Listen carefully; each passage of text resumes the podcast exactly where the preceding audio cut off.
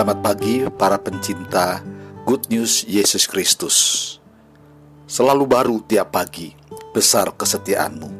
Tuhan adalah bagianku, kata jiwaku. Oleh sebab itu aku berharap kepadanya. Tuhan adalah baik bagi orang-orang yang berharap kepadanya. Bagi jiwa yang mencari dia.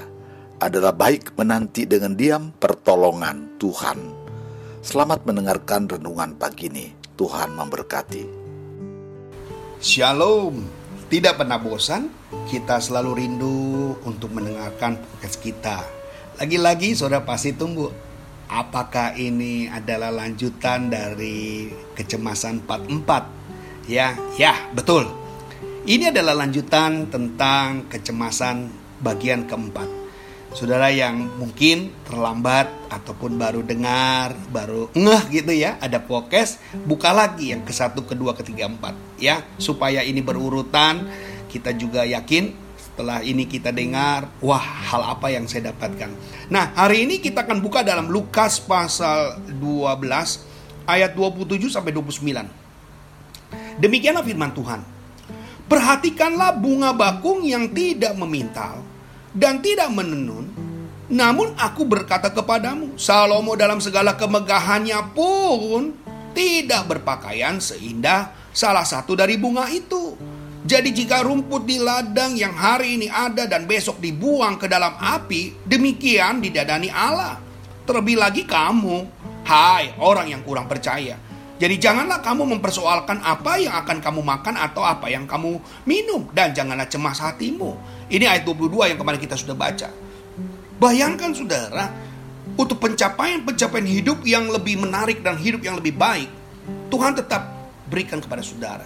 Yang sia-sia saja Tuhan tetap pelihara, apalagi yang tidak sia-sia. Saya pernah bilang, bilang begini saudara, pada waktu Allah ingin menciptakan ikan, laut disediakan. Pada waktu Allah ingin menciptakan pohon, bumi disiapkan. Tapi pada waktu Allah mau menciptakan manusia, lihat, Allah rame-rame bikin. Allah rame-rame rembukan untuk menjadikan saudara. Jadi waktu nanti ikan mati, pohon mati, nggak ada masalah. Tapi lihat kalau manusia jatuh ke dalam dosa, Allah turun tangan. Allah turun tangan. Kenapa? Keberhargaan kita, nilai kita tinggi di hadapan Tuhan. Saudara-saudara, saudara punya nilai lu di hadapan Tuhan. Kita punya nilai lu. Jadi jangan sia-siakan hidupmu. Jangan buang dirimu dengan kegiatan-kegiatan yang konyol. Ayo, engkau bernilai. Dunia hari ini mungkin menyanyikan hidupmu, tapi tidak dengan Tuhan. Tuhan tidak sekali-kali pada membuang saudara. 99 domba ditemukan, tapi ketika hilang satu domba, Allah cari. Saudara-saudara, karena begitu berharganya hidup kita di hadapan Tuhan, maka Pernah saya katakan dalam part 3 atau bagian yang ketiga tentang kecemasan, lakukan bagianmu untuk Tuhan supaya ada hasil yang engkau kerjakan. Jangan diam-diam, jangan cicing wae, saudara. Kita nggak boleh jadi orang Kristen yang hanya cicing-cicing wae. Diam-diam saja, man-man loy. Ayo tingkatkan hidupmu.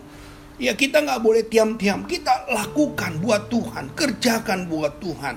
Saudara-saudara yang kasih dalam Tuhan, di dalam paradigma biblikal, Kodrat manusia memang berbeda dengan seluruh ciptaan Allah lainnya. Kita diciptakan menurut peta dan teladan Allah, selem atau demutnya Tuhan.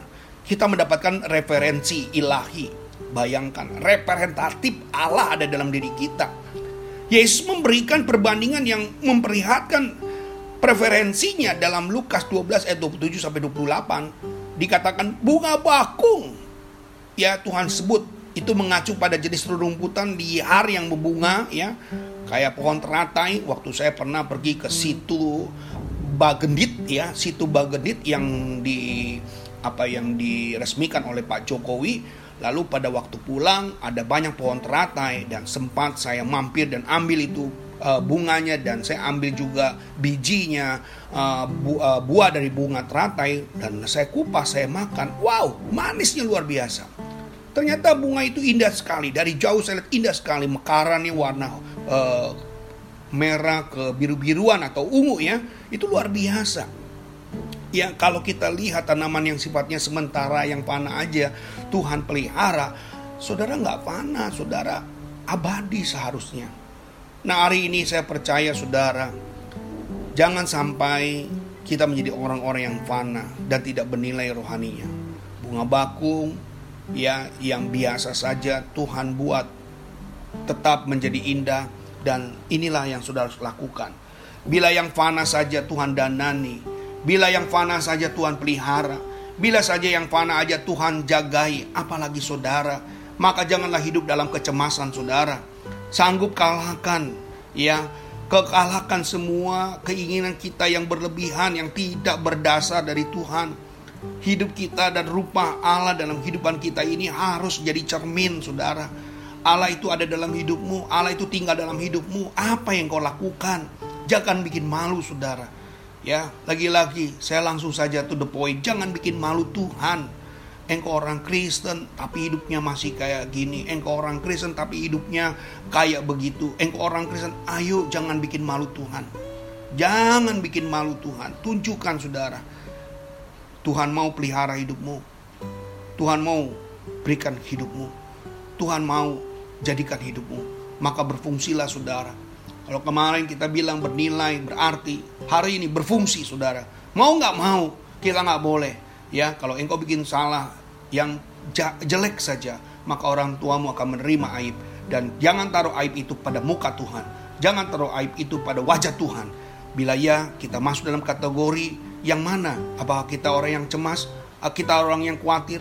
Atau kita adalah orang-orang pemenang Ayo jangan kita buat derajat Allah dalam diri kita menjadi turun. Karena perbuatan kita derajat Allah menjadi rendah. Tingkatkan saudara. Allah tidak akan membiarkan kita tenggelam. Allah tidak pernah membiarkan kita hidup dalam kelaparan. Allah tidak akan pernah hidup kita ada dalam kekurangan. Ia pilih saudara. Saya saudara dan saudara dipilih untuk menjadi alat kemuliaannya. Tujukan saudara. Jangan jadikan pengejaran akan makanan dan minuman pakaian itu menjadi obsesi dalam kehidupan kita, menjadi target. Itu bukan jadi target. Biarlah burung di pohon, ya bunga baku, semuanya Tuhan berikan. Saudara jangan takut. Maka jangan pernah saudara langsung rendahkan diri Tuhan dalam hidup saudara. Ya, rendahkan kondisi hidupmu yang sudah mengenal Tuhan Nanti orang bilang katanya anak Tuhan, kok takut, katanya anak Tuhan, kok khawatir, katanya rajin ke gereja, kok cemas. Mari, jangan bikin malu Tuhan. Kasih tahu, jangan bikin malu Tuhan. Tunjukkan, masihkah kita panik dalam keadaan yang saat ini kita hadapi? No, tentu saja tidak. Ingat, tidak ada satu hari pun engkau tidak makan. Itu bukti bahwa Allah telah memelihara engkau. Kalau ada yang belum makan, mungkin karena saudara memang menunda atau diet ya. Dari kebanyakan orang yang tidak makan itu hanya dua kegiatan, diet atau sedang mengelola, mengatur makanan. Bukan karena nggak ada makanan, bukan karena tidak ada makanan, bukan. Ada, mungkin saudara lakukan yang lain. Saya percaya di rumah saudara masih ada beras, ya itu adalah bukti Tuhan masih pelihara saudara. Ini yang Tuhan mau dari hal-hal itu satu bukti jangan khawatir, jangan khawatir. Puji Tuhan, saudara yang dikasih Tuhan, saya percaya firman Tuhan menjadi berkat dan kekuatan buat saudara semua. Dan roh kudus akan memberikan pemahaman yang lebih dalam tentang kebenaran firman Tuhan. Tuhan Yesus memberkati saudara semua. Sampai jumpa dalam renungan yang berikutnya. Haleluya.